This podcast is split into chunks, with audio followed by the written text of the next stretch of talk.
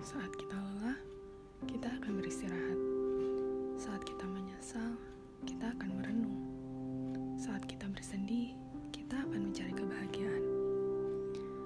Namun, pada setiap momentum itu, apakah kita mengingat Allah? Atau justru kita merasa bahwa semua akan menjadi baik-baik saja karena diri kita sendiri, tanpa pertolongan apa pun darinya? Mari kita merenung. Tak sedetik pun dalam kehidupan kita berjalan tanpa kehendak darinya.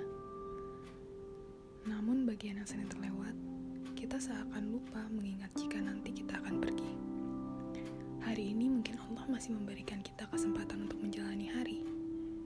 Hari esok kita tidak tahu akankah kesempatan itu kembali. Dan apakah masih ada hari nanti? Waktu terus termakan oleh usia. Tanpa mengenal waktu dan tempat, hari itu pasti akan datang. Hari di mana kita dipanggil kembali. Tak banyak waktu yang tersisa. Kehidupan yang Allah beri ke kita sangatlah terbatas. Sehingga apa pun hari yang kita jalani, semua hanyalah sementara. Tak ada yang abadi.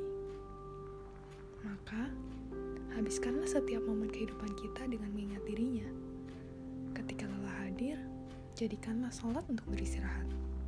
Ketika penyesalan hadir, jadikanlah muhasabah untuk merenung.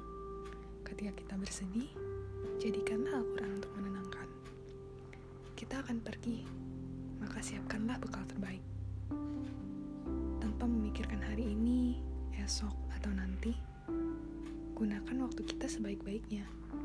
Kuatkan langkah kita untuk bergegas ke jalan-jalan kebaikan, sehingga kelak tak ada penyesalan di kemudian hari.